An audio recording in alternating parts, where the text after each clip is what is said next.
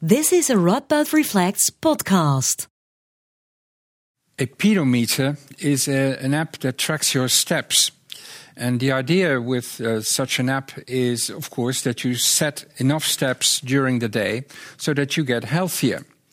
Many of these kind of dig- digital technology has the same promise, a promise of a better, healthier world, a world in which you are in self-control about your own health we think of these apps as something indeed that help us and that help us achieve better health and a better world. But do they really? Um, don't they have aspects that are actually detrimental to fundamental concepts concepts that are embedded in our society and also in our health systems concepts like justice fairness and solidarity Tonight, we're going to talk about this dark side of health technology, especially health apps. And we have a very prominent speaker who is going to guide us through this brave new world of digital um, technology. Tamar Sharon is a professor of philosophy, digitalization, and society here at Radboud University. She's going to give us a lecture about this dark side of health um, technology.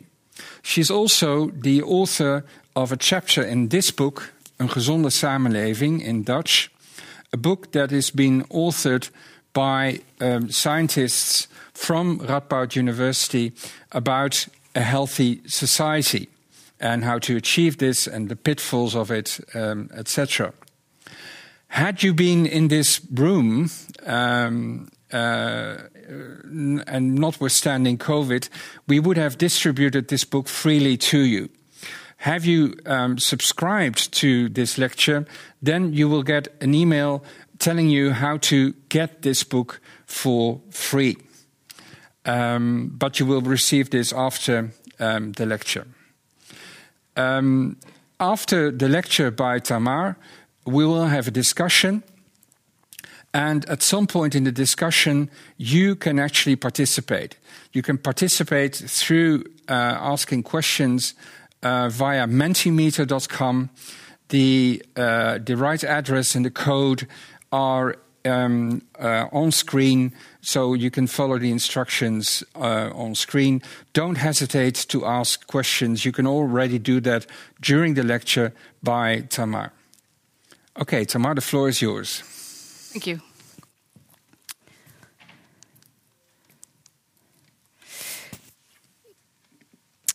As scholars of science and technology have uh, long upheld, technologies are never good, uh, nor are they just bad, nor are they even just neutral. As they are introduced and as we use them, they help redefine foundational concepts which we use to make sense of the world. Concepts like natural, artificial, death, intelligence. For example, before the introduction of recent biotechnologies like gene editing and assisted reproduction, nature, the concept of nature, was typically seen, of, seen as something that is given, given by God or by chance. Thanks to these technologies, it is now increasingly thought of as something that can be designed or even made. The concept of friendship before and after Facebook may not be completely transformed, but we certainly need to specify what kind of friend we are referring to. In this talk, I want to show you how the introduction of digital technologies in the medical setting have led to important shifts in our understanding of the concept of health. From health as the absence of disease or disability to health as a holistic, dynamic, and continuous project that is geared towards prevention and prediction.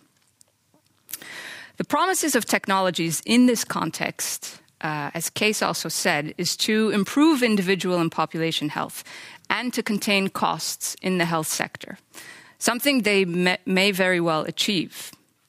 But these new technologically driven understandings of health may also have some unintended consequences. For example, on our sense of autonomy and on the inclusive and solidaristic nature of our healthcare systems.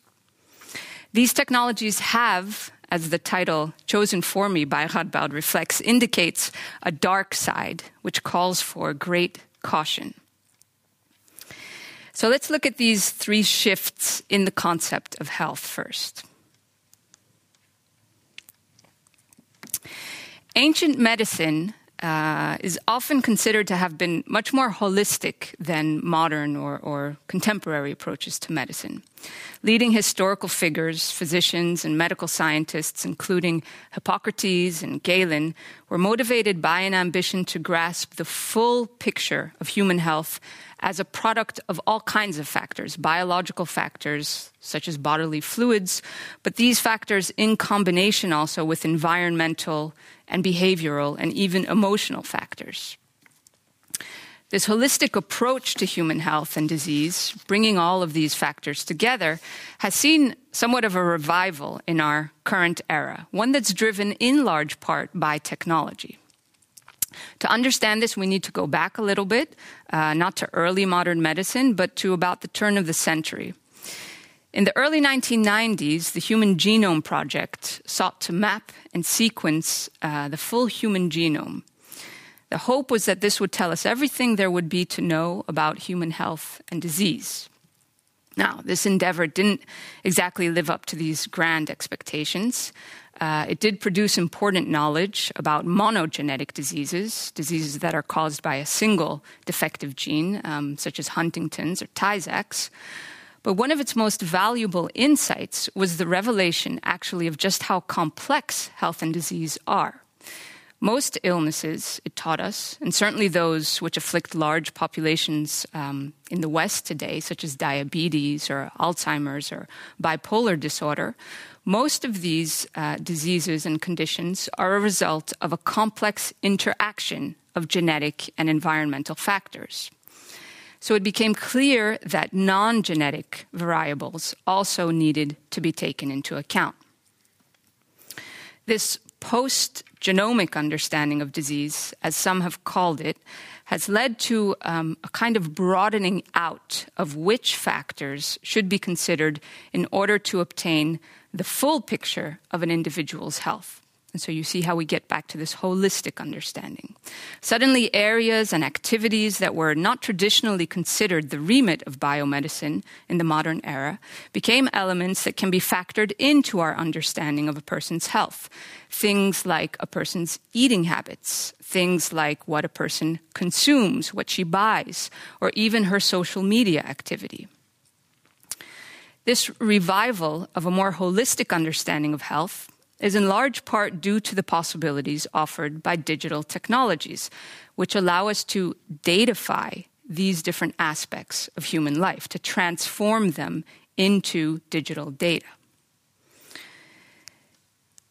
In the past decade and a half, an explosion of consumer mobile applications and wearable sensors has led to the datafication of all kinds of activities food intake, physical, ac- physical activity, sleep patterns, uh, menstrual cycles, and mood, just to name a few. Datafying these activities, turning them into data, requires reducing them to a quantifiable category so calories, which can be counted, yeah, can act as a proxy for food consumption. Steps, which we can also count, act as a proxy for physical activity. A number from 1 to 10 acts as a proxy for mood. Proxies, of course, are never fully representative of what they stand in for. Uh, you can have a, a very low calorie diet while still eating unhealthily. And you may be getting lots of steps because you're pacing around your room at night uh, because you're anxious and you can't get to sleep. This doesn't mean you're particularly healthy.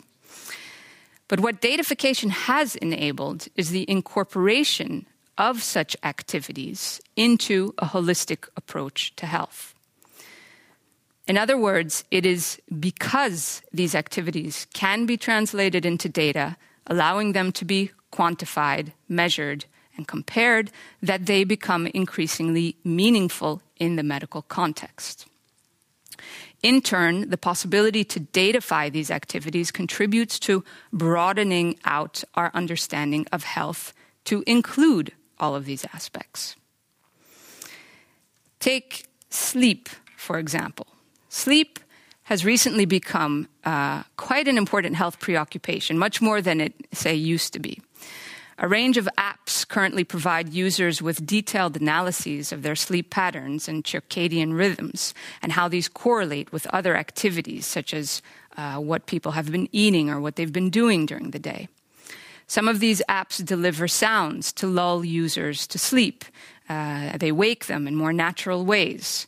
And sensors that you can wear on your body or, or put under your mattress provide advice on improving body positioning in your bed.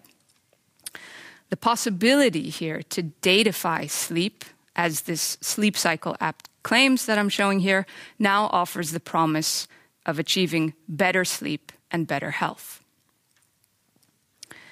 At the same time, as more and more dimensions of our lives play out in digital spaces, such as socializing, which we do increasingly on social media, shopping, which we increasingly do online, banking, which we increasingly do through our bank apps, all of these digital exhaust that we leave behind us are also becoming increasingly valuable uh, for doing health uh, research and providing health care. So, a few examples I have up here. Um, the activity of young Facebook users has been found to be an indication of the onset of psychosis.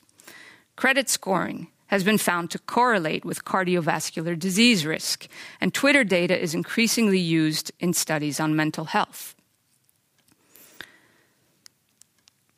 The possibilities provided by big data analytics, whereby very large data sets of different types of data can be linked and correlations and patterns can be identified, mean today that virtually any type of data can reveal some information about a person's health. And so we get this rich tapestry, as you see on this slide, of what counts as health data and also of where to find it.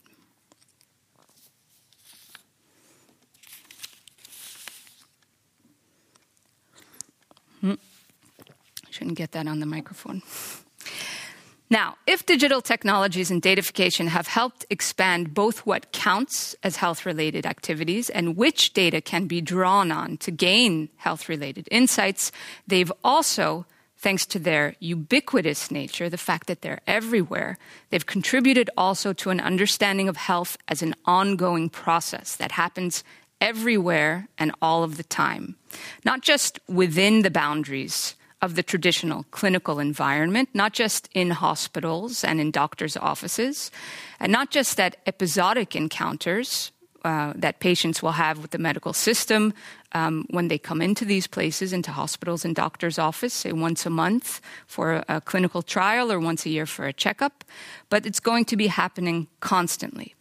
And this has contributed to an understanding of health and healthcare as what I've called continuous.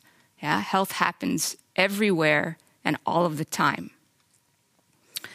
Technologies contribute to this by acting as what we can call an extension of the clinic. Sensors and wearables that can monitor essential vital signs such as heart rate, blood pressure, and oxygen saturation are used in combination with video conferencing and telemonitoring um, or telemedicine technologies to monitor patients remotely. These can allow patients to be sent home uh, earlier following surgical interventions, and they can reduce the needs for patients to come in to hospitals or to clinics. And we've seen how useful this can be certainly during the corona uh, crisis, allowing patients and professionals to keep uh, a safe physical distance. I know I bought one of these oximeters when I tested positive last year and was really busy using it.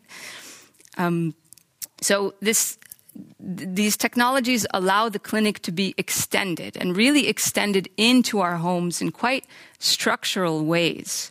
Uh, we can think of smart homes, which are now equipped with sensor and communication technologies that can detect falls, monitor bathroom use, monitor what people are eating because there's a sensor on the refrigerator.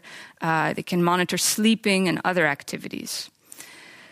This is very beneficial, for example, for elderly people who can stay at home longer, or for people with mobility issues so that they continue living at home uh, with reduced need for support or for uh, a caretaker. This type of remote monitoring, it's particularly promising in the area of chronic disease, something that in the West we're dealing with more and more. Um, as I have mentioned, healthcare tends to be mostly episodic. Uh, so patients are assessed by physicians at annual exams, and treatment takes place when symptoms appear. That's good for some types of care, something like surgery or if you need to deal with a broken bone. But chronic diseases require long term and complex responses. And as more and more of the ailments of our contemporary societies become chronic, mobile devices become very valuable. They're really the kind of perfect companion to chronic disease. They provide a continuous stream of granular, real time data that are collected non invasively as people go about their daily routines.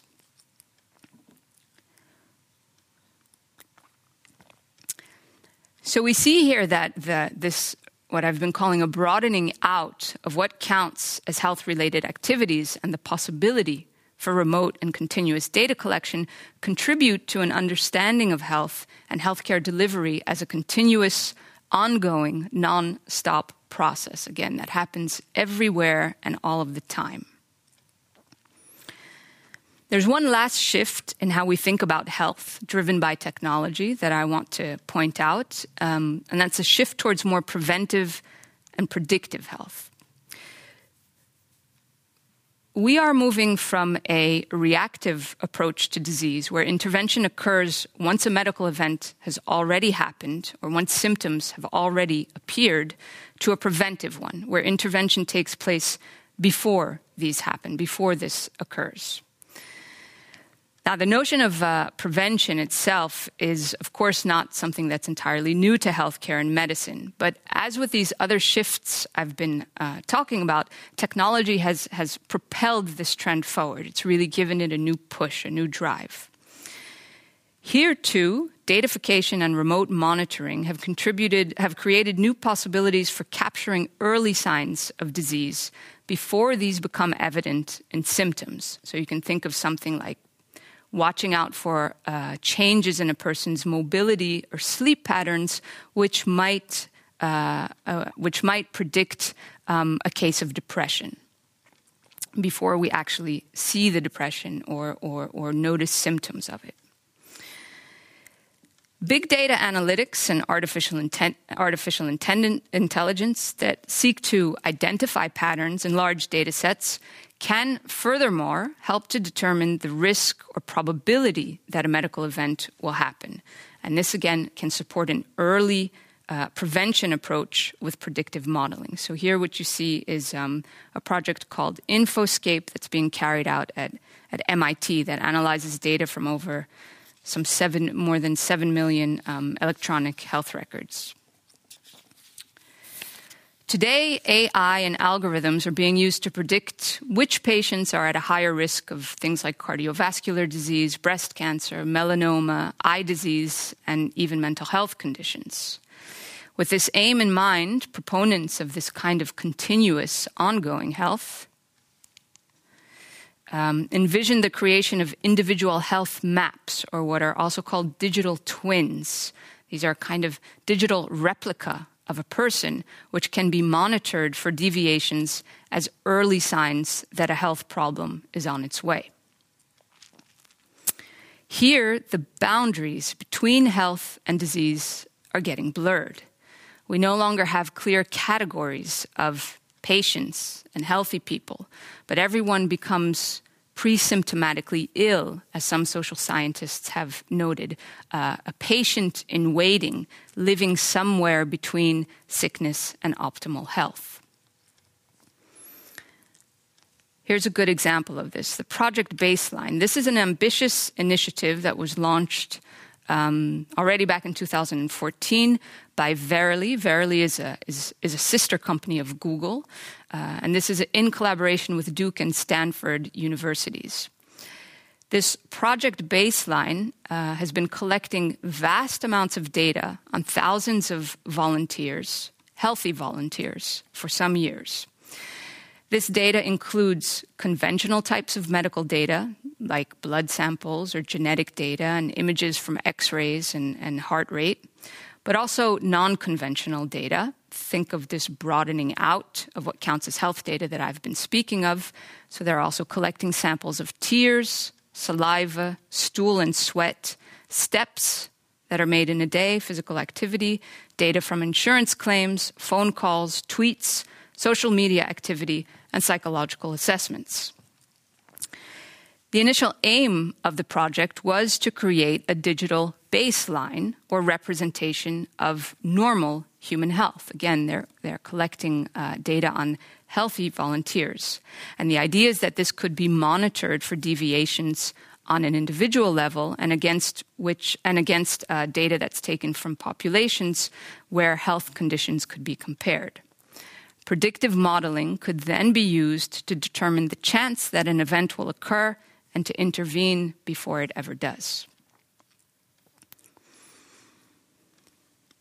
So, this was a brief overview of how, um, in the past couple of decades, technologies have contributed to what are actually very broad shifts in how we understand health, in the concept of health that we use.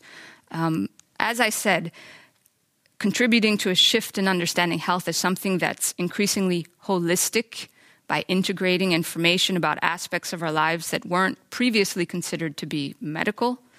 Um, contributing to a shift in understanding health as something that's continuous and ongoing rather than sporadic and dealt with in the clinic. So, mobile technologies allow for this extension of the clinic into our homes, into our everyday lives. And lastly, contributing to a shift in our understanding of health is something that's increasingly more about prediction and prevention rather than reacting to medical events. So, this continuous and fine grained big data collection allows us to identify patterns and variations before symptoms actually ever appear. At least that's the hope.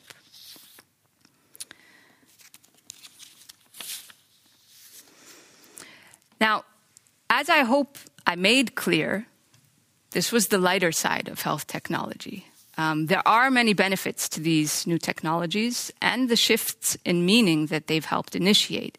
They may deliver very important health benefits and reduce healthcare costs. But let's turn to the darker side of these technologies and these new understandings of health. What other effects, the question is, what other effects do they have beyond these promises, even if these promises were to become true? Uh, I want to focus on three of these effects, three negative impacts that technologically enabled holistic, continuous, and predictive and preventive health can have.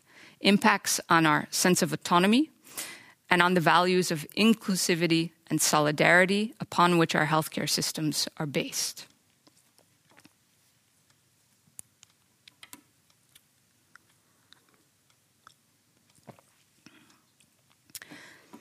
Holistic, continuous, and preventive health implies that health is not a static state, yeah, but that it's an unstable and dynamic one that needs to be constantly monitored, that needs to be constantly attended to.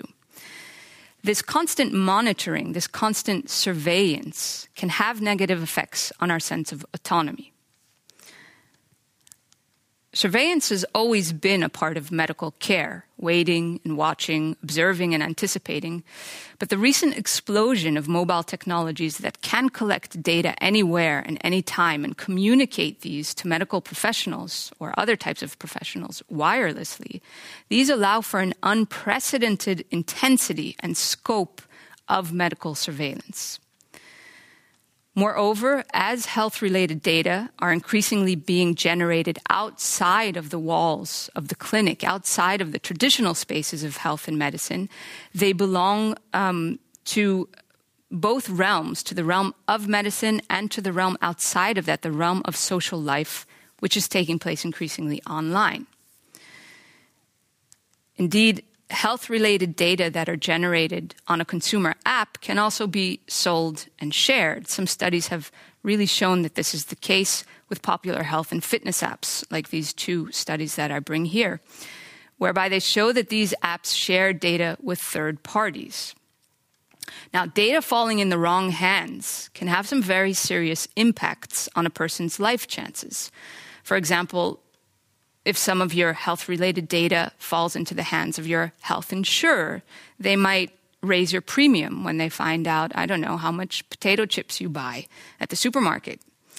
Um, if a future employer gets hold of some of this data, they might decide not to hire you because they've seen all of your tweets about how you cope with your ADD, and they don't particularly want an employee with ADD.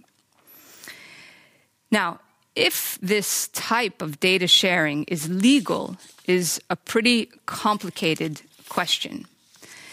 If users consent to this data sharing, and often they do without much thought, just by clicking a "I consent um, uh, uh, button on their app, if users consent to this data sharing, it's not necessarily legal, uh, illegal. Sorry, but the fact that it's legal doesn't mean that it's ethical. There's quite a, a, a distance between these two concepts. Contextual approaches to privacy, like the one developed by the legal philosopher Helen Nissenbaum, um, are helpful for understanding this, for help, helpful for understanding what is at stake in this kind of moral ambiguity. Is this okay? Is this okay even if it's legal? Nissenbaum argues that privacy expectations differ depending on the different contexts in which information is being shared. So different contexts are governed by different norms of privacy. When we share information in a social context, like on social media, uh, or in a medical context, like with our doctor, or in a work context, like with our colleague, we have different expectations of what can and what will be done with this data, with the information that we share. We're not thinking that it will end up in these other contexts necessarily, which is why we probably consent so easily for what's happening with this data. But digital data, and here it differs from paper data, data in the paper age, digital data flow very easily between these contexts. So when we had data that was just a piece of paper, we could easily put it away in a filing cabinet and lock the key to that drawer. We cannot do this as easily with digital data. Digital data, data can be easily reproduced, it can be easily shared, um, it travels. Yeah? And when it travels between these different contexts, it also transgresses context specific norms of privacy, the expectations for privacy that we have in each of these con- contexts. Now, breaches of privacy and of informed consent in the digital economy are something that legislators are continuously grappling with, and we have uh, very good progress in this field with things like the General Data Protection Regulation. But as data that are generated outside of the traditional spaces of health and medicine become increasingly relevant for healthcare and medical research, these questions about how to properly govern these data, what meaningful informed consent means should become central for health and medical scholars as well. And it still isn't. Take the case of social media data for health research. In the past few years, Twitter has become uh, a very popular source for mining big data for public health research. There have been studies using Twitter data for tracking flu outbreaks, for tracking cholera, for tracking physical activity levels, and for tracking mental health. Twitter data is publicly available. Yeah? It's not illegal to scrape it and use it for research. But can we really speak of meaningful consent when this data are used for medical research? Would Twitter users who are tweeting about their struggles with depression, for example, or with ADD, really be okay with this data ending up in a medical study without their knowledge or without their explicit knowledge?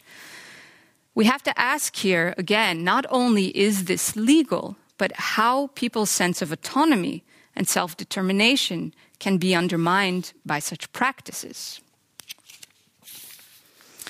To do this, I think scholars in the health and medical domain can learn from philosophers and social theorists who have been working exactly on these questions, on the effects of digital technologies on privacy and autonomy in recent decades. For these theorists, privacy is not only valuable because personal data in the wrong hands can be used in ways that negatively impact a person's life chances, like the health insurer or the employee, though these are, of course, serious risks. But privacy is also, and here I'm using um, work from Julie Cohen, privacy is also the breathing room we need to engage in the process of self development. It's an integral component of our sense of autonomy.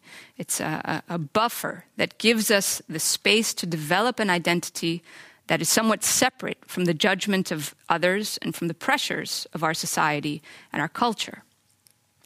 This breathing room, this, this buffer, is crucial for us to manage all of these influences and to form an identity that's not dictated, at least solely, by social conditions.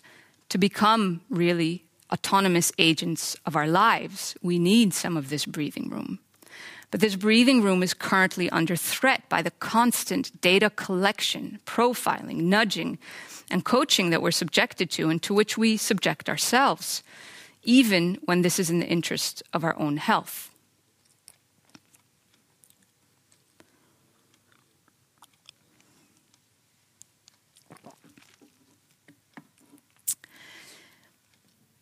How might digital health technologies now affect the value of inclusivity?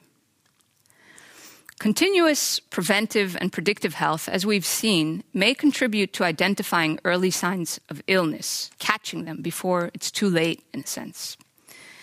AI, which is used to detect patterns in very large data sets in ways that humans alone aren't very good at doing, is a key technology here. And in recent years, we've seen more and more successful uses of AI in the medical field for detecting the risk of eye disease, breast cancer, cardiovascular disease, melanoma, even mental health conditions. conditions. For example, using speech recognition to predict psychotic episodes or depression. But AI systems are also vulnerable to bias. I think no one um, currently is unaware of this, at least in our country, in the Netherlands. I don't know how many international people we have online, uh, but certainly in the Netherlands, we've had a bad taste of this with what we call the Toeslagen affair. And these biases, which creep their way into AI, can lead to differentiating between groups and individuals in ways that is, as we've seen, unfair and discriminatory, and that may undermine the inclusive nature of systems like our healthcare systems or our welfare systems in the case of the tax office. A simple example of this. Mm. AI is currently being used to help predict skin diseases like melanoma, skin cancer. Apps are being developed that allow people to take photos of skin lesions photos of, of, of, of lesions they have on their skin and determine, try to assess what the risk of melanoma, of skin cancer, is from this photo. photo. This is good, of course, for preventive health. The problem is that the large data sets of photos of skin lesions, which are often used to train these algorithms that are built into these apps. These are data sets that include actually a majority of images of lesions from light skinned people. They don't have many lesions on dark skins in this database. What this means for the AI that is trained on this data is that it will be much better at identifying melanoma on light skin than on dark skin. And this, of course, can lead to better diagnosis for light skinned people. A more complicated example of this kind of bias and discrimination as a result of the use of AI in healthcare. Um, recently, it was revealed that an algorithm used in hospitals across the United States uh, that was being used to identify which patients should get additional attention for complex health needs um, attention like home visits, it was revealed that this, uh, that this algorithm had been systematically discriminating against black patients by giving black patients who were just as sick as white patients a lower risk score. So basically, you would get additional health care based on how high your risk score was. The higher risk score you had, the more additional health care you would get with this algorithm. Now, this was a result of how the algorithm had been developed. It assessed risk using the predicted cost of care. It equated higher healthcare spending with worse health. Now, this certainly seems like a reasonable assumption that's at work here that the sicker you are, the more you cost the system. But it turns out that historically, less has been commonly spent on black patients than, in white, than on white patients in the United States in their healthcare system. Uh, this is for various reasons, including the fact that, well, compared to white populations, black populations in the US tend to get fewer checkups and tests. They have less access overall to care. They have less insurance coverage. And they also have previous experiences of racism with the healthcare system that sometimes prevent them from seeking out care. What we get is ultimately, actually, over the population, is that black people cost the system less than white people. So while health costs may seem like a benign label, an innocent label, which has nothing to do with racism in these types of calculation, it's not that the algorithm was intentionally racist. What we see is that this proxy, this label, is an inaccurate and racially biased proxy for healthcare needs, which, when it's used in practice to identify risk, can actually increase existing social inequalities here between black and white populations, and it can have life threatening results.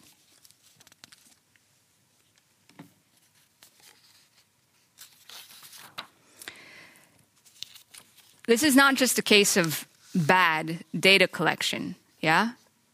It actually reflects something deeper. It shows that these technologies can reproduce systemic forms of discrimination based on race in this example, but also based on gender or based on socioeconomic status without us necessarily being aware of it. These were not intentionally built to be discriminatory. These biases, these discriminatory practices creep into these. They're baked into the system in ways that it's very difficult to detect.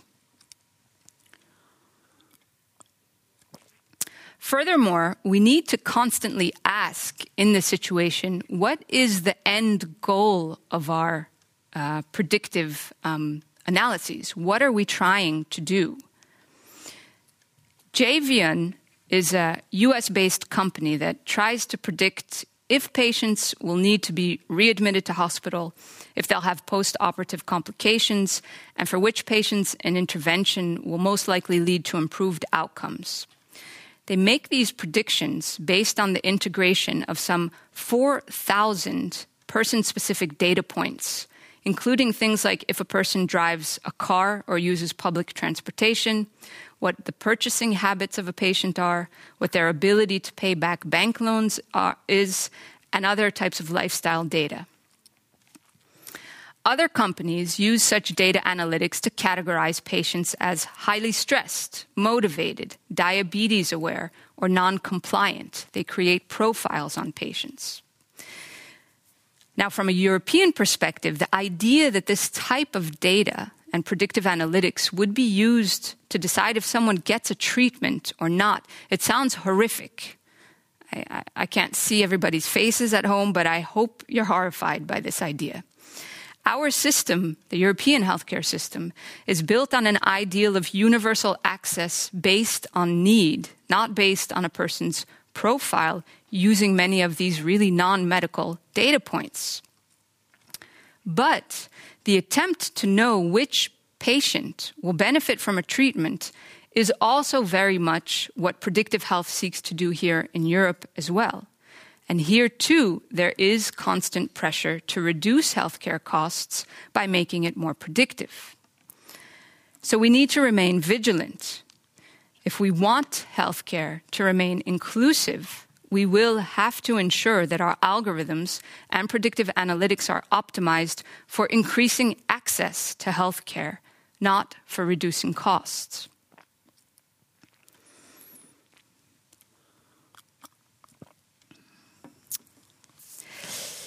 Okay. Data rich, holistic, continuous, and preventive health are changing how we think about responsibility for health. And this brings me to my third value solidarity. coupled with technologies that increasingly differentiate between people based on their profiles, this can affect our sense of solidarity, one of the fundamental underlying values of our healthcare systems. Let's see how, how this works. In these new technologically driven understandings of health that I've been speaking about, the traditional figure of patients as passive recipients of care is being replaced with the figure of patients as protagonists in their own care, proactive, involved individuals who are empowered by technology to take more control over their health, to participate in decision making about their treatment plans, and to self manage their health risks. Health is reconceptualized here as an individual responsibility that all citizens bear.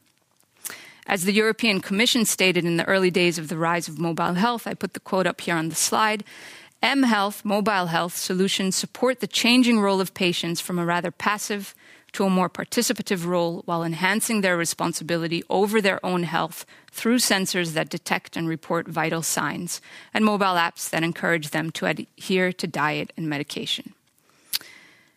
These public health policies um, encouraging patients and citizens to take ownership of their health, they're really the same thing we're hearing in the marketplace for health tech, as advertisements for health apps call on us to take control of our sleep, eat smarter, and tell our weight who's the boss.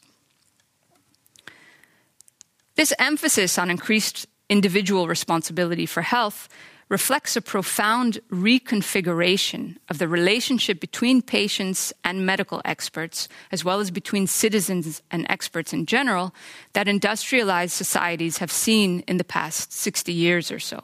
What many have also identified as a, a, a central component of neoliberal governmentality. Initially, calls for increased responsibility, individual responsibility in health, uh, arose out of criticisms of medicine as something that was too paternalistic and not focused enough on the patient as a person. Medical professionals, critics upheld as other types of experts in society, typically made consequential decisions about people without involving them in those decisions.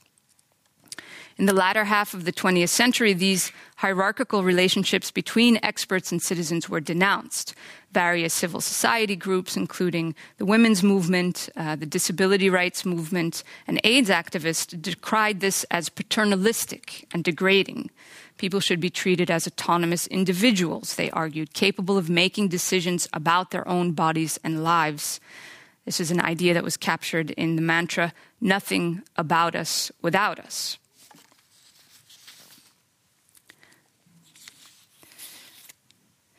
Digital technologies have here too amplified these social political developments. The title of this book, The Patient Will See You Now, uh, I think is very telling in this regard. Eric Topol is a renowned cardiologist and leading advocate of digital health. Some of you may know him more recently for his excellent Twitter summaries of, of COVID studies. Um, but look at how this title really flips the traditional hierarchy between doctors and patients on its head. Yeah? Here we have the patient will see you now rather than the doctor will see you now. Topol argues that just as in the 15th century, the printing press revolutionized access to knowledge for lay people, mobile health will democratize medicine, making it more participatory and empowering patients to take control over their own care. Now, the increased involvement of patients in their own care can certainly have beneficial effects, both in terms of health outcomes, but also in this idea of, of democratizing what used to be a highly paternalistic relationship between patients and medical experts. But it can also be detrimental in several ways. First, because the understanding of health as an individual responsibility implies to an important extent that health and lifestyle are things that we choose and choose freely. Yet we know that socioeconomic conditions and factors such as class, gender, and ethnicity affect health. These are not under individuals' control. And so this framing draws attention away from socioeconomic and other conditions that play a role in illness and disease. For example, when obesity is framed as the result of individual lifestyle choices, less attention is paid to factors such as the cost of fresh food. Think of how expensive organic vegetables and meat are compared to frozen foods. It draws attention away from the fact that snack bars may be more common than green grocers in poorer neighborhoods, or that employment precarity is an important factor in stress, which can lead to overeating and obesity and all kinds of other diseases. The individualization of responsibility for health can, in this way, redirect the focus of interventions from structural issues to individualized ones. We see this with all the nudging techniques we have today. If we're being nudged uh, to take the stairs, or we're being nudged by supermarket workers asking us if we want more fruits and vegetables. This individualization of responsibility can have harmful effects on solidarity. The sense that we are all equally vulnerable to disease, and so that we should pool our efforts together as a collective to help each other out when that's needed. The more we understand ill health as the result of bad individual choices, the less we see it as the result of bad luck and fate, and the less we will be willing to share that fate with other members of society. We lose the sense of mutual obligation that has traditionally underpinned the healthcare system. We're already seeing some of these effects in the more personalized health insurance packages that we need to choose from today. If I'm a responsible citizen who strives towards a healthy lifestyle by eating healthy, by exercising, by counting my steps, watching how I sleep, um, by informing myself about my health risks, why would I pay for those people who choose to partake in unhealthy practices, like a sedentary lifestyle or a bad diet? Of course, We've also had a particularly unpleasant taste of this trend at the height of our Delta wave in the corona pandemic, when the rights of people who chose not to get vaccinated against corona um, were uh, to get medical assistance were put into question.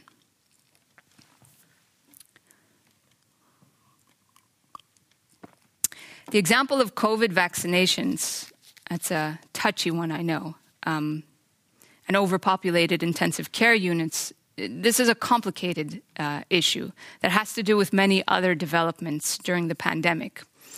But the point I want to make, and I'm coming towards my conclusion, is that shifting understandings of health enabled by the technologies we develop can have unintended effects on some of our most fundamental social values, like solidarity. All of this is not to say that technology is bad. It isn't. Nor is it all good. Nor is it neutral. It is deeply transformative, not just of what we are capable of doing as human beings, but of how we understand the fundamental concepts and values which we use to situate ourselves in the world, which we use to make sense of the world and to act on it. These technologies have unintended consequences that we often only realize once they've already happened. If we cherish these values and principles, values such as autonomy, inclusivity, and solidarity, it's crucial to look around us at how these are also being impacted by technologically driven shifts in health and medicine, lest we lose these for better health and lower costs. Thank you.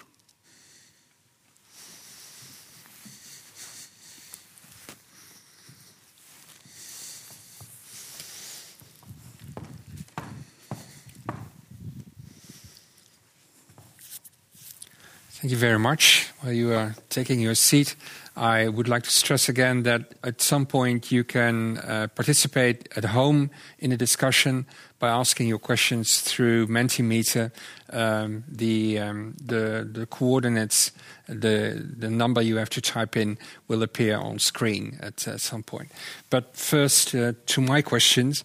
Um, maybe a, f- a first, um, a first question what I would like to discuss is the scope of this. Um, so, for instance, the the the whole orientation versus uh, the whole orientation to prevention. Uh, prevention has been around for a long time, um, and um, also including um, improving lifestyles, uh, the intake of food, and that kind of stuff. Um, so uh, you say these these digital te- the technologies are um, are making medicine more preventive and predictive. Mm-hmm. Um, but is it what is what exactly is the scope of this? Because prevention was around before the advent of these technologies. Mm-hmm. So what is what is exactly changing?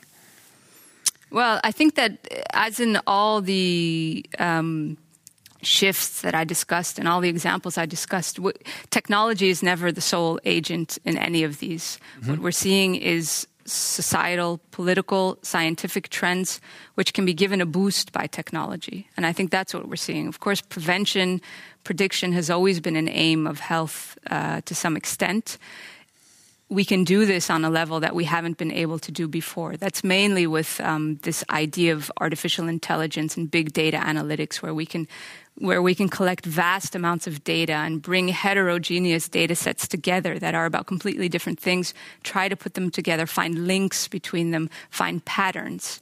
AI is incredibly good. This is what it does maybe best. So it's very difficult for humans to take in all of this data and to see patterns in it. Mm-hmm. This is something that AI is extremely good at mm-hmm. and it's very useful. So once you can identify these patterns, that's when you can start thinking, well, if I see that this is happening, I can start predicting that it will happen if X and Y. And it's with the technology that this kind of push for predictive medicine has become much more uh, real in a sense and, and much more mm-hmm. applicable. Mm-hmm. And that's what um, is being attempted to be implemented now. I was thinking of um, um, you have this phenomenon that a quantitative change can can turn into a qualitative change. Mm-hmm. Is that is that is that what you're hinting at? Is the, the, the scope of this is so large, uh, the, the, the the whole aim of prediction can be fulfilled to an extent that we've never seen before. This this makes for a qualitative change rather than just a, a change of, of, of, scope of or ex- extension. Is that what you mean? Yeah, I guess so. I, I don't know that I would use those terms, but yeah, then what you see is that the aim of medicine itself tends to shift, right? And so we've wanted to, for a long time, the whole idea of personalized medicine as well has been to move from a model of one size fits all, from reactive care to do things that are happening mm-hmm. before, that are personalized, that are tailored mm-hmm. to individual profiles. Mm-hmm. Uh, and the technologies now allow us to do that at, to a much greater extent. That doesn't mean they'll succeed, and we have to be careful not to believe in these promises too much. We also have to be careful that prediction doesn't mean it's something that will happen. This is mm-hmm. all based on historical data, right? And mm-hmm. nothing is, will tell us, mm-hmm. you know, uh, what's going to happen in the future. Mm-hmm. So we, we do need to be very careful there. But I do think it's a, a qualitative shift. Yeah. Mm-hmm. Yeah. Um, but you, you, so there's a lot of promise, and not all promises are fulfilled. But I, uh, I was particularly struck. I was struck by your lecture, but I was particularly struck by um, the example you gave uh, briefly of Verily, this this mm-hmm. uh, subsidiary of uh, Google. Yeah. Um, that collects this, these data to to make uh, uh, predictions.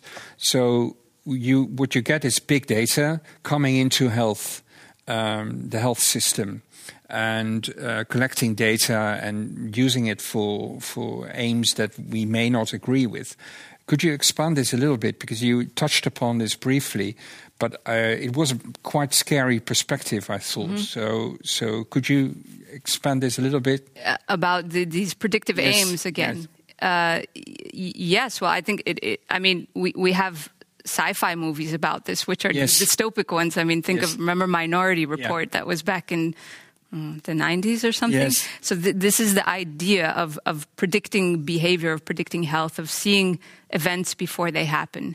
And of course, this is again, it's not just the technology. We've moved into a type of what we can call risk thinking since the 1980s of trying to uh, mitigate, of trying to manage risks, of trying to bring the future into the present. And the more that we have technologies that can help us collect data and make sense of them and see patterns, the better we will be at predicting things, mm-hmm. at least making predictions, mm-hmm. not necessarily mm-hmm. forecasting for sure what will mm-hmm. happen. I think it is, uh, there's something very scary about it if you think of Minority Report, because you can get stuck in a, in a prediction which is yeah. not real and which may not be about you and which says things about you that may not be at all the case. We mm-hmm. we kind of lose all space there for improvisation, for creativity, for flexibility. Yeah, and I think with as with a lot of the shifts that I discussed and a lot of these technologies, the promise here is one of better health, which is a, which is a wonderful thing. Mm-hmm. Uh, uh, I mean, we live in a society, this uh, liberal societies, where health is probably the, the it's the super value. It's the one which is hardly contested. Yeah. You know, everybody wants more health. Yeah. We don't speak about limits to health. It's not like other values, like oh, autonomy should have some limits, solidarity mm-hmm. might need some mm-hmm. limits, but health. Until kind of the coronavirus, these discussions have now come up that there are other interests involved, is really a super value.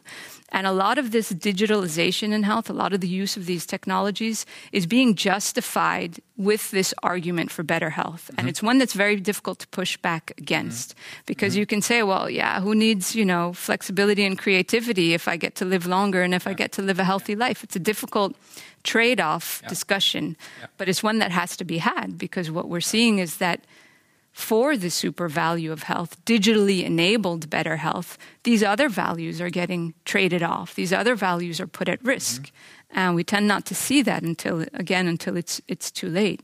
Mm-hmm. But I was also particularly thinking about the role of these big businesses. Oh, the so large the, tech companies. Large, large tech companies yeah. like like Google yeah. um, that, mm. that take over parts of our yeah. health system. Um, and the consequences of that. You didn't yeah. particularly speak of no, those no, no. No. And I have now. I have a lot to say because I'm yeah. actually running a, a five-year project funded by the European Commission exactly on this, mm-hmm. on the increased presence of, of big tech companies in health and medicine. Uh, I call this the Googleization of health. And what we see is that for the past six, seven years, each of the large tech companies, so not just Google with its uh, sister company Verily, but Apple, Amazon, Facebook, IBM, Microsoft, they've all moved very aggressively into health and medicine. And this is because as health and medicine becomes increasingly digitalized and data driven, these companies, which are very good at everything that has to do with data collection, data storage, data analytics, have something valuable to offer. And you can kind of see this as a, a, a you know, this is happening in other sectors of society as well. I'm particularly interested in health and medicine, but we see the same thing in mm-hmm. education, in transportation, even space exploration, right? We have Bezos and others now flying to space. So every sector that undergoes digitalization, these companies now move in and have something which can be valuable to offer. So mm-hmm. there, there are benefits um, we've been following in my project some of the collaborations between big tech and public research institutions. For example, there's one happening here between Verily and Radboud UMC, the Personalized Parkinson's Project.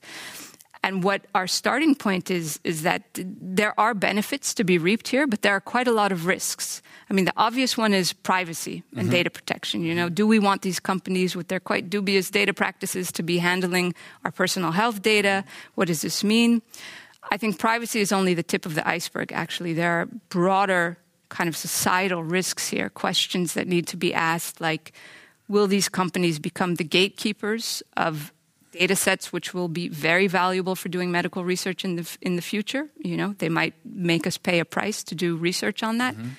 Um, will these companies begin asking research questions and setting research agendas? Uh, and what, what, what do they think will be important as diseases? And will a lot of money be poured into that type of mm-hmm. research? Um, how will they monetize their involvement in health? So that's not clear yet. Uh, data sets might be accessible, infrastructure might be open, but you know, a lot of them are developing algorithms using data which is public health data uh, the algorithms themselves will be proprietary. They will be sold back mm-hmm. to us. Mariana Mazzucato, the economist, has a term that I like. She calls paying twice. Yeah. So we pay as taxpayers once into creating the data set, right? Because these are public Mm-hmm. health data sets, and we'll pay again to get the services that are used on them.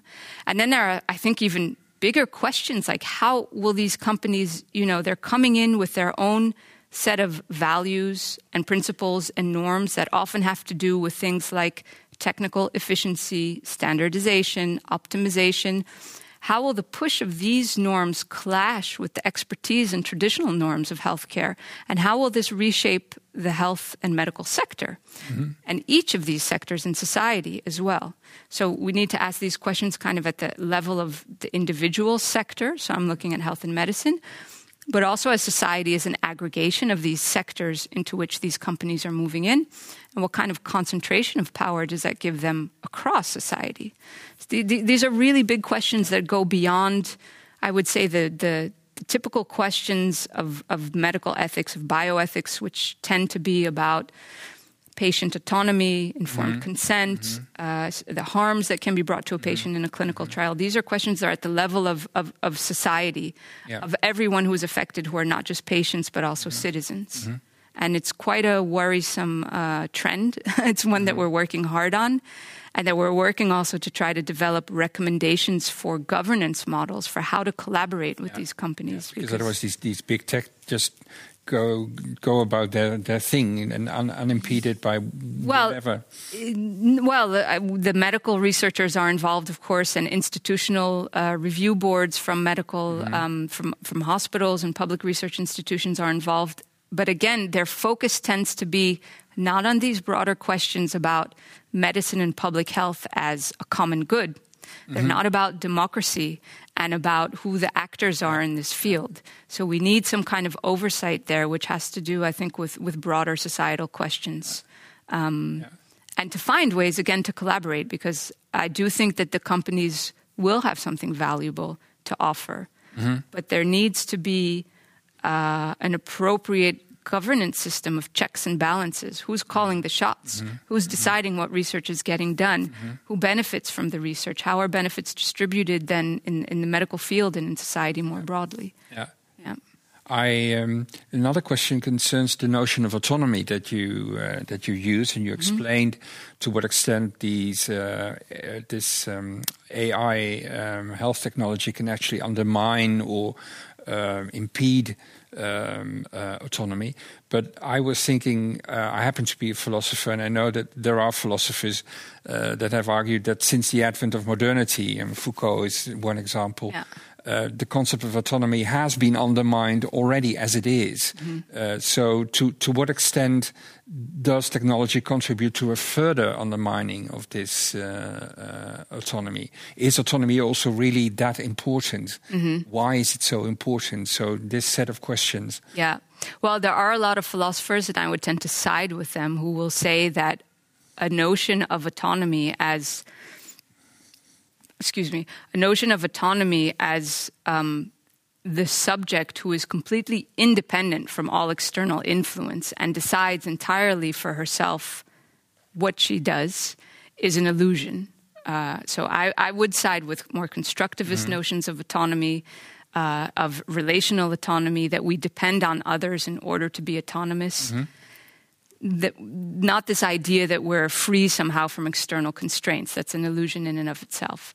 Yet I still think that some notion of autonomy, broadly thought as the capacity of a person to determine um, within reasonable constraints and to a certain degree uh, which life path she chooses, I still think that is important. It's, it, it steers us also. It's a, a foundation for a lot of our institutions, our legal and moral systems. And I think it makes sense. And I think even Foucault is working with this kind of sense of autonomy that's mm-hmm. not entirely independent. There's some room for maneuvering there, though, which is exactly the breathing space that I'm talking about that we need. I'm very inspired by Foucault when I'm thinking about surveillance technologies. Of course, he's, he's, he, he's the theorist who really laid down how to think about what does it mean, what does it do to us as subjects if we are constantly being watched, right? And the idea there is that when we know we're being watched, it has a chilling effect on our behavior. We start to conform, we start to act in ways that we think fulfills the expectations of whoever it is who is watching yeah. us. And Foucault spoke about this, of course, in, in prisons, in, in schools, in hospitals. I don't think he could imagine that we would be in a situation where we are today, where this surveillance is happening everywhere, yeah, actually outside of institutions yeah. all of the time, but also in much more interesting ways. So Foucault's uh, uh, theorization about surveillance is really always a top down thing. It's the prison guards watching the prisoners, it's the doctors watching the patients, the teachers watching the student. What we have now is not just top down surveillance, it's, it's, it's lateral. We're all surveying ourselves. I'm surveying myself when I'm mm-hmm. using an app, mm-hmm. tracking mm-hmm. myself. And this leads to other things. So there's some pleasurable experience in surveillance. It's not all top down evil mm-hmm. disciplining, mm-hmm. but it does something with our behavior and yeah. it does something with how we act. And it does something, I think, to the sense that we have this breathing room again to, to make mistakes, to do things that people don't notice and aren't recorded and won't be held against us at a, mm-hmm. at a later point in time. Mm-hmm. So I would say, as much as I side by more constructivist relational conceptions of autonomy, I do think that it's important to hold on to one and to see how it's put under strain more and more today with technologies. Yeah, yeah. I am going to ask you the COVID question um, because you brought it up. Yeah. Um, and I was thinking you brought it up in the context of solidarity. Um, um but the solidarity you spoke of, the solidarity that's inscribed in, in, in European, at least, uh, health uh, systems, is, is solidarity with people that are afflicted by things they have no choice uh, about. Yeah. Um, whereas with the vaccination um, and, and non vaccination, this is a matter of personal choice. Mm-hmm. Um, and there is also a way of framing this by saying um, uh, we uh, that the people who, who, who don't take vaccines, the anti-vax, are actually not being solid, solidaristic. They are not, they have no solidarity yeah. with the whole system because vaccination is built on the concept of yeah. solidarity. Yeah. So I was thinking you could you could frame what you said exactly the opposite way. So what do you think about that? Yeah, I, I, think it is a tricky one. It's a really sensitive one. I think it has been framed in that way. And indeed, the logic of vaccination is one that works very much on solidarity, that I vaccinate myself, maybe less for myself than for others, yeah. and others who I recognize uh, similarity with. And so I carry a cost for that.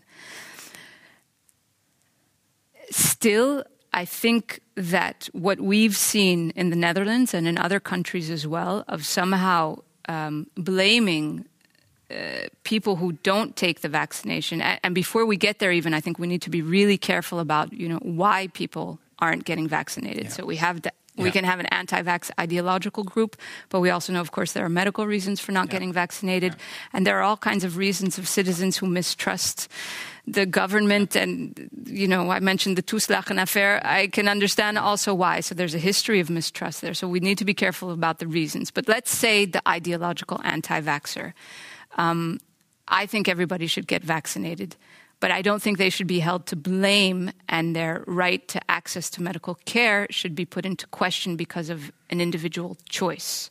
Because if we go down that route, we will begin undermining the really underlying basis of solidarity upon which our healthcare systems are founded. We do not ask people why they got sick and then, based on that reason, agree to give them treatment or not. So if we start with the non vaccinated, we're opening a very dangerous path towards doing that for all kinds of other reasons. Yeah. And we're there. Huh? We're at this kind of, uh, I think, this, this, this uh, intersection where that is a thing in society, and that is because thinking about health is much more done in terms of individual responsibility. And we have personalized insurance and all of these things. But it opens a very dangerous door. And it means that we can be asked in the future when we show up at the emergency room, you know, let's see why you're in here. Let's see what your lifestyle choices yeah. were in the past. Yeah. Let me think and calculate if you deserve health care. So if you if you go to the clinic for a lung disease and you happen to be a smoker, you might not be allowed into the clinic Yeah. because um, you, Yeah. it's your own fault. And that, that one is already being done to some extent. So some types of uh, surgery are refused to smokers. I think in some countries it's worse than the Netherlands. That's also a, a, a, a, um, a quite crude example, but I mean, we think we need to think really about examples like cancer, where there are all kinds of factors for, for many cancers that we don't know what leads to that. Some of those might be lifestyle, some of those might be genetic, some of those might be bad luck, some of them are going to be environmental. And we can't hold people accountable for all of those. Certainly when the science is not clear about it, mm-hmm. right? So we know part of the mm-hmm. science and we hold them only accountable mm-hmm. for that. It's a very, very dangerous road that I would not like us to see go down as much as I would like to see everybody get vaccinated.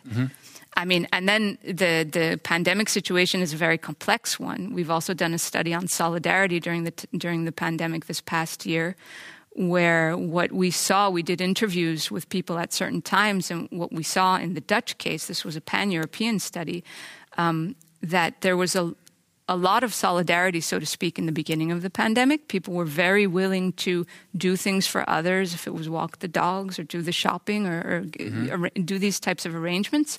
And when we spoke with them six months later, there was a sense that solidarity was on the decline. Now, what we've seen in this work and another theoretical work we've done with uh, Barbara Prainsack, who was the, the PI on this study at the pan European level, is that we need to think about solidarity in, in, in, on several levels. We have this interpersonal kind of solidarity. I walk your dog in the hope that you'd walk mine the day I can't do it. But we also have institutional solidarity, a higher tier, which is something like the healthcare system, which is infrastructural solidaristic arrangements in a society where we no longer really choose to opt in or opt out. It's part of what we do. The mm-hmm. healthcare system is the mm-hmm. paradigmatic example for this. Mm-hmm. Now, what we saw in the pandemic is that this level of interpersonal solidarity was getting undermined. People were getting tired. We called this pandemic fatigue. And what we think, or one of the recommendations was, was that these practices of interpersonal solidarity they need help. They don't last for very long, certainly in a, in a, situation of crisis where people are tired. You need institutionalized solidarity to prop this up, to kind of facilitate practices of solidarity. And we were missing some of this. Mm-hmm. In the Netherlands, maybe more than in some other countries. Mm-hmm. So there was really a sense that it was up to individual citizens to be solidaristic. Mm-hmm. I mean, our cabinet was quite clear about this that yeah. you should walk the dog for your neighbor. Yeah we could have had more institutional arrangements which facilitate solidarity. Now, in the situation where solidarity starts waning, what we also saw is people begin blaming each other because there's no one else to turn to. Yeah. It's easy to blame the non vaxxed, to say it's because of you we're in this situation. We could also be pointing our fingers, and people have in other places. Why are the IC unit units not better prepared?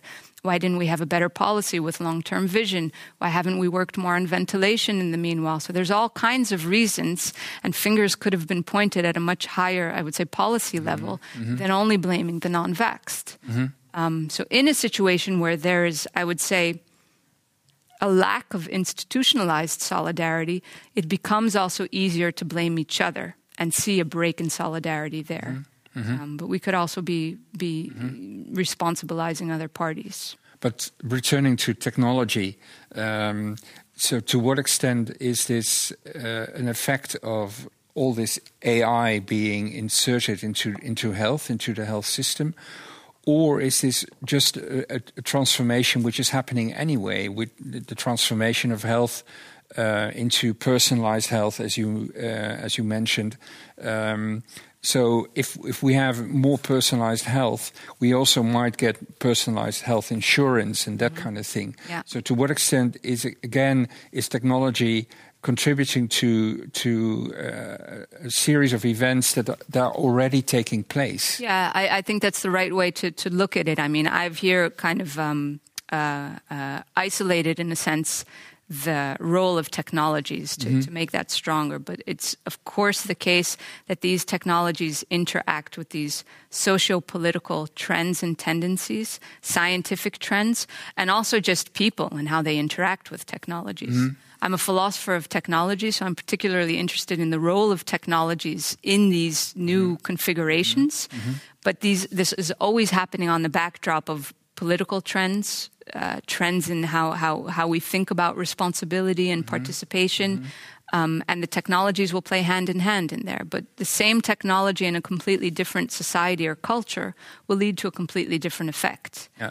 So if you think of something like um, uh, abortion technologies, if you throw that into a society like ours, or in China or India, where you have a, a one child or a two child policy and uh, a preference for male babies, you're going to have a completely different effect, right?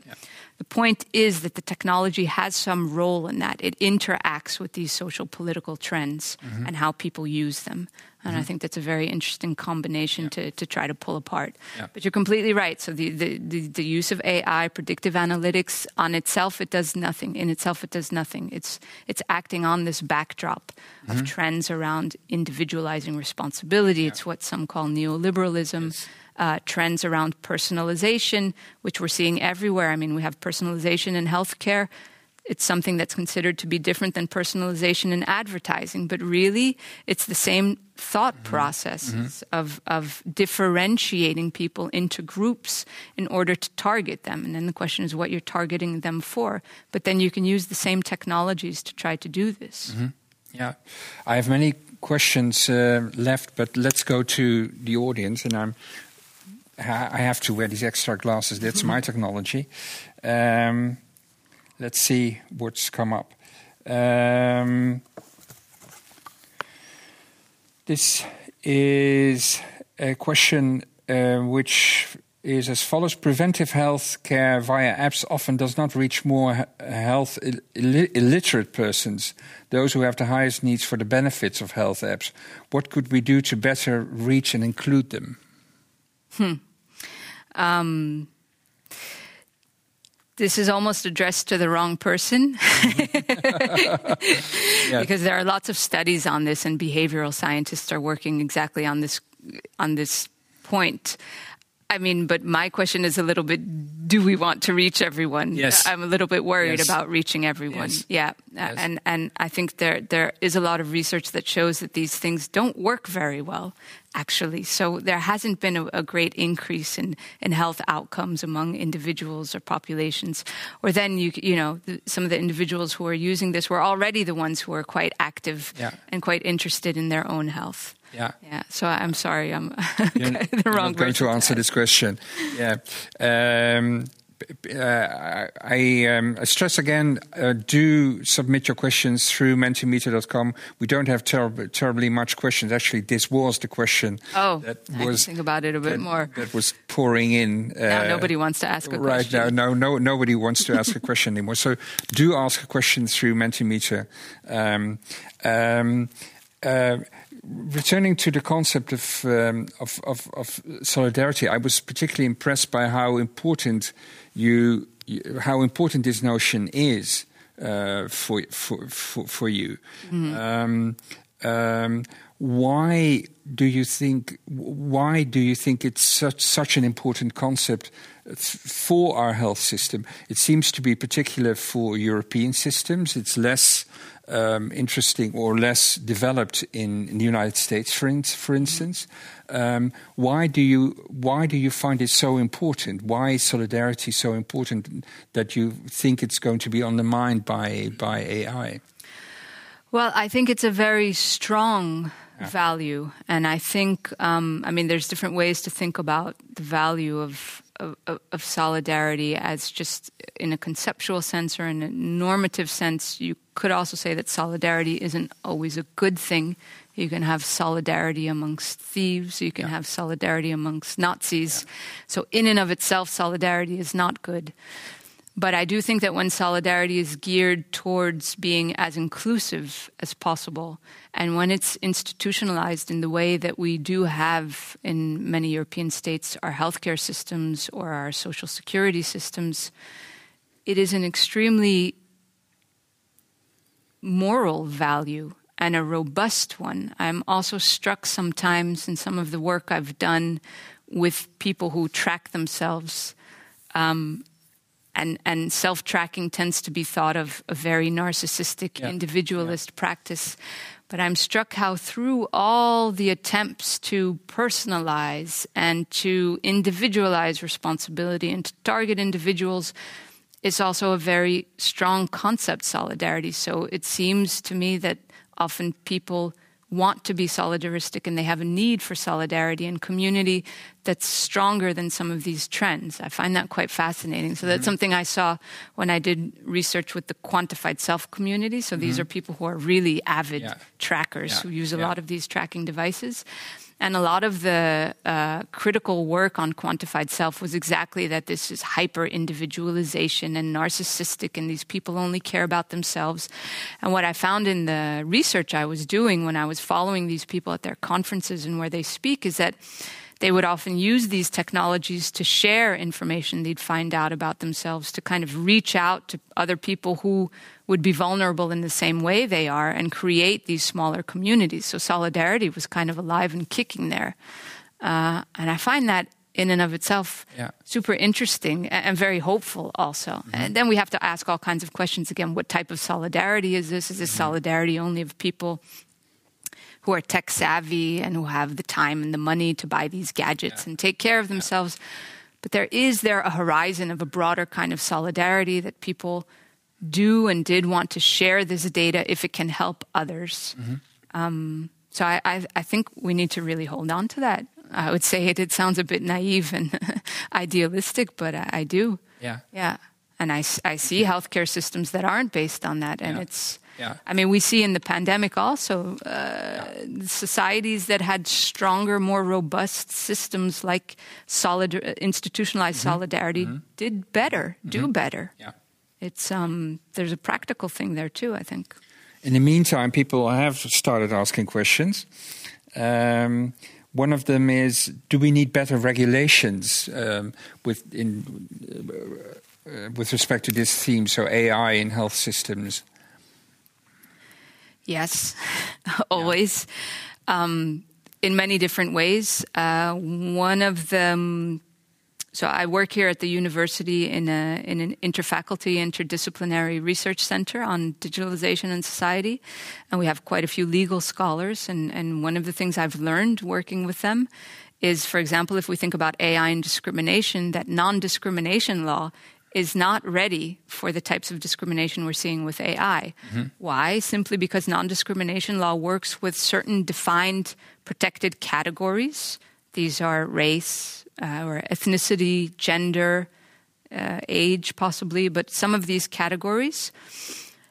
And if you're discriminated against based on a category which is not a protected one, non discrimination law doesn't help you. But what does AI do?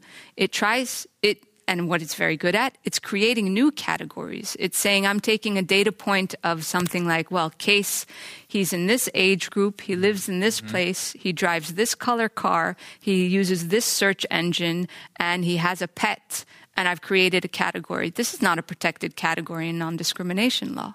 Yeah. So non discrimination law won't protect us there.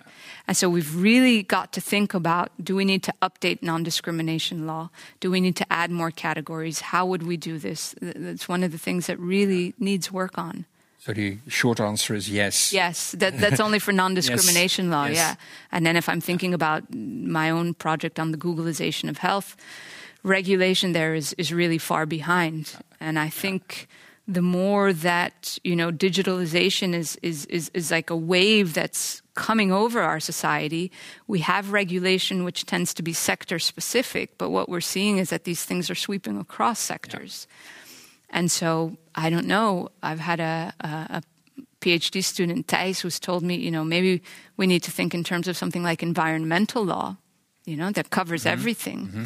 and it's at that level that we need to be yeah. thinking yeah Yeah, because we're also dealing with formidable um, opponents, so to speak, like these big tech Yeah. that, that escape regulation Yeah. anyway. So uh, escape regulation. And then if I'm looking at the health and medical sector, so it's quite a regulated sector. Yeah. And ethical frameworks from bioethics, medical ethics, they're robust. Yeah. But they're only looking at the sector. And so they're not seeing this cross sectoral, uh, uh, y- you know, transgression or encroachment of these Yeah. companies. Okay. Um,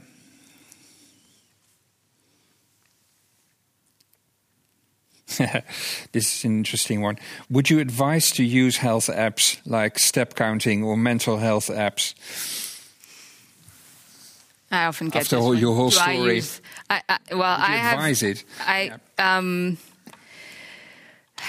it depends for what, but I wouldn't advise against it. Uh-huh. So I have an iPhone, and uh, there's a health app on that. If I want it or not, it's counting my steps, and I actually look at it, uh, and I enjoy looking at it. Um, I think we need to be careful of expecting too much from, from these things. We need to be careful about how they reflect back on us and that we don't. I mean, I don't use many of these apps also because my personality is a very disciplined one and I don't want to get stressed out by more. Yes. I have enough with Yes. discipline at work. Yeah. So it depends a bit how we are as individuals. Um, I don't think that we shouldn't use them, but I think they should be better. I think they should be better regulated. I think that the data that they collect shouldn't be shared so easily. Uh, I think we need to be careful about how these apps are integrated into other things. But I also think it's not up to individuals to make that happen. So we could refuse all of this and say, I'm not participating in it. That's a way of protecting ourselves in a sense. I think it would be better if we had better regulation. If this was better um, done in a way that we could benefit from the benefits that, that, that are there to Yeah. be. But you wouldn't advise against it, against using No, I wouldn't tell somebody not to use an app. No. Yeah. Okay. Um, um, yeah. Um, a lot of data and digitalization related innovations require multi party collaborations. Usually, these are new and therefore difficult.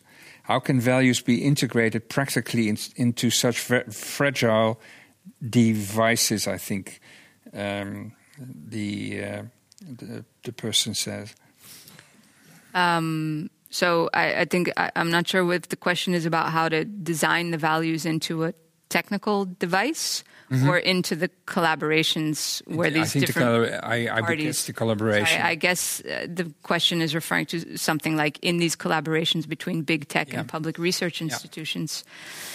Well, I don't have a quick and easy answer. What we're doing in my project is actually looking at how different actors in these collaborations. So there are four main types. There's the tech companies. There's medical researchers, there's patients, there's policy in a sense, which is pushing for these types of public private collaborations. Why do they think this is good? So we're philosophers, first of all, and we're asking people, why is this good? Mm-hmm. And people tend to say this is good, this is for the common good, this is good for everybody. If you probe that a little bit, there are very, very different conceptions of what is good. Maybe it's good that Google is involved because we get more efficient technology. That's one understanding of the good. Mm-hmm. Maybe it's good that Google is involved because they're famous and it allows us to recruit more patients. That's another argument we mm-hmm. sometimes hear. Maybe it's good that Google is involved because they bring money. That's another understanding of the good. Now, if we have these different definitions of the good and we're using a framework that uses a topology of six or seven understandings of the common good in these different versions, we can think of a democratic deliberation where these different understandings of the good each have a say, but we should be careful that one doesn't become dominant, or we should at least be careful that if technical efficiency, which tends to be one of the large justifications for collaborating with these companies, is dominant, it might do something to something else. So it might do something to traditional values of what is good in healthcare, mm-hmm. like taking care of patients. Mm-hmm. And so there's trade-offs, and we can think of deliberating in a way that can could could lead to a governance framework where there are checks and balances of what kinds of goods we want. It's a very conceptual, philosophical way to approach this. I realize this when mm-hmm. I'm saying it, but it's a very fruitful one of mm-hmm. trying to look at what good can come out of this and not approaching this as, oh my gosh, big tech is involved. This is evil. We shouldn't allow this to happen. So, so quite in particular, you mentioned the example of uh, uh, people doing the Parkinson uh, research here at the university, working Yeah. together with. Um, uh, was it Verily or Yeah, Verily. Um, so you wouldn't be against it. Uh, No, no. I, I, Just I like think that. being against it is i- it's not very helpful. It- Mm-hmm. It may be too late, also for society. But I, I think these companies do have a lot of valuable things to bring forward. Mm-hmm. Uh, certainly on the technical side, I would be a little bit more worried when we're saying they're bringing in resources that we don't have because there's not enough public funding. That's a different problem. Mm-hmm. But I, I think again that we can find ways to collaborate them with them where these other concerns that we're very busy identifying can be mitigated. Mm-hmm. But we need to be very aware of these concerns again and not only look at what this does to medicine or how it affects mm-hmm. patients, but think mm-hmm. about this as, as a much bigger phenomenon. And this is usually what health professionals themselves do, do not do, I would, I would guess. No, and I don't blame them for that. That's not their job in a sense, right? They're busy trying to look for Yeah. medical, be, better treatments and, and better medical research. They're not trained also to think at, at that at that societal level of, of ethical impacts. Um, so that's why it's very good to have philosophers and ethicists and, and, and social scientists to work on these topics around. Mm-hmm. Who can help identify this to raise awareness so that we can build better collaborations. Just one final question. Um, yeah, this is an interesting. Um, could you elaborate on the role that medical professionals could or should take in keeping the human in taking care of the of, of the human in taking care of humans? So, The role of medical professionals, Professionals, in caring for yeah. humans. yeah, Well, I think that the obvious one is we need to be careful that care is not completely delegated to technologies. Um, I don't think anybody wants that entirely, but there is a push to think, well, sometimes these technologies and automation can be more efficient, they can reduce costs, and so we're delegating care to them. Uh, I think th- there's talk about having a human always in the loop or on the loop. Yeah. Uh, humans are better at things like empathy, understanding. This is something that AI and robots don't do well, at least yet, and I don't think they will. We should be careful that we understand what tasks they're good at better than humans and delegate only those and make sure that humans stay in what is necessary to, to give good care. Um, and I think there we also need to be careful, you know, because there's this rush to automate also for cost reduction and to render things more efficient. But often when we're automizing, automating uh, a practice, we don't necessarily realize what goes into making a practice what it is before we automate it. And then we automate things away. So I can think of a simple example that I read about once that, you know, um, uh, a home nurse who comes in to care for a person can do things in very inefficient ways. It's time consuming. Now, you could bring a robot in who's much quicker at doing whatever it is the home nurse did, putting on socks or helping to, to feed uh, someone. But there is something in the inefficiency, in the slowness of the human nurse, which is also part of the care. And you're going to lose that if you automate it entirely. So, those are the types of um, things we need to be really careful about. Okay, thank you very much. Thank you very much for your very, very interesting lecture and the answers to all the questions. Um, thank you for watching. Um, we will be back um, physically next Monday when we will boldly go where no man has gone before because we have a program on Star Trek. Um, and um, we would very much like you to participate physically in the room, um, but the event will probably be somehow online uh, as well. But please come back, and we, we're missing you. We're missing the physical presence of audience. But now, for now, thank you for watching, and uh, see you uh, soon at some of our activities. Thank you very much.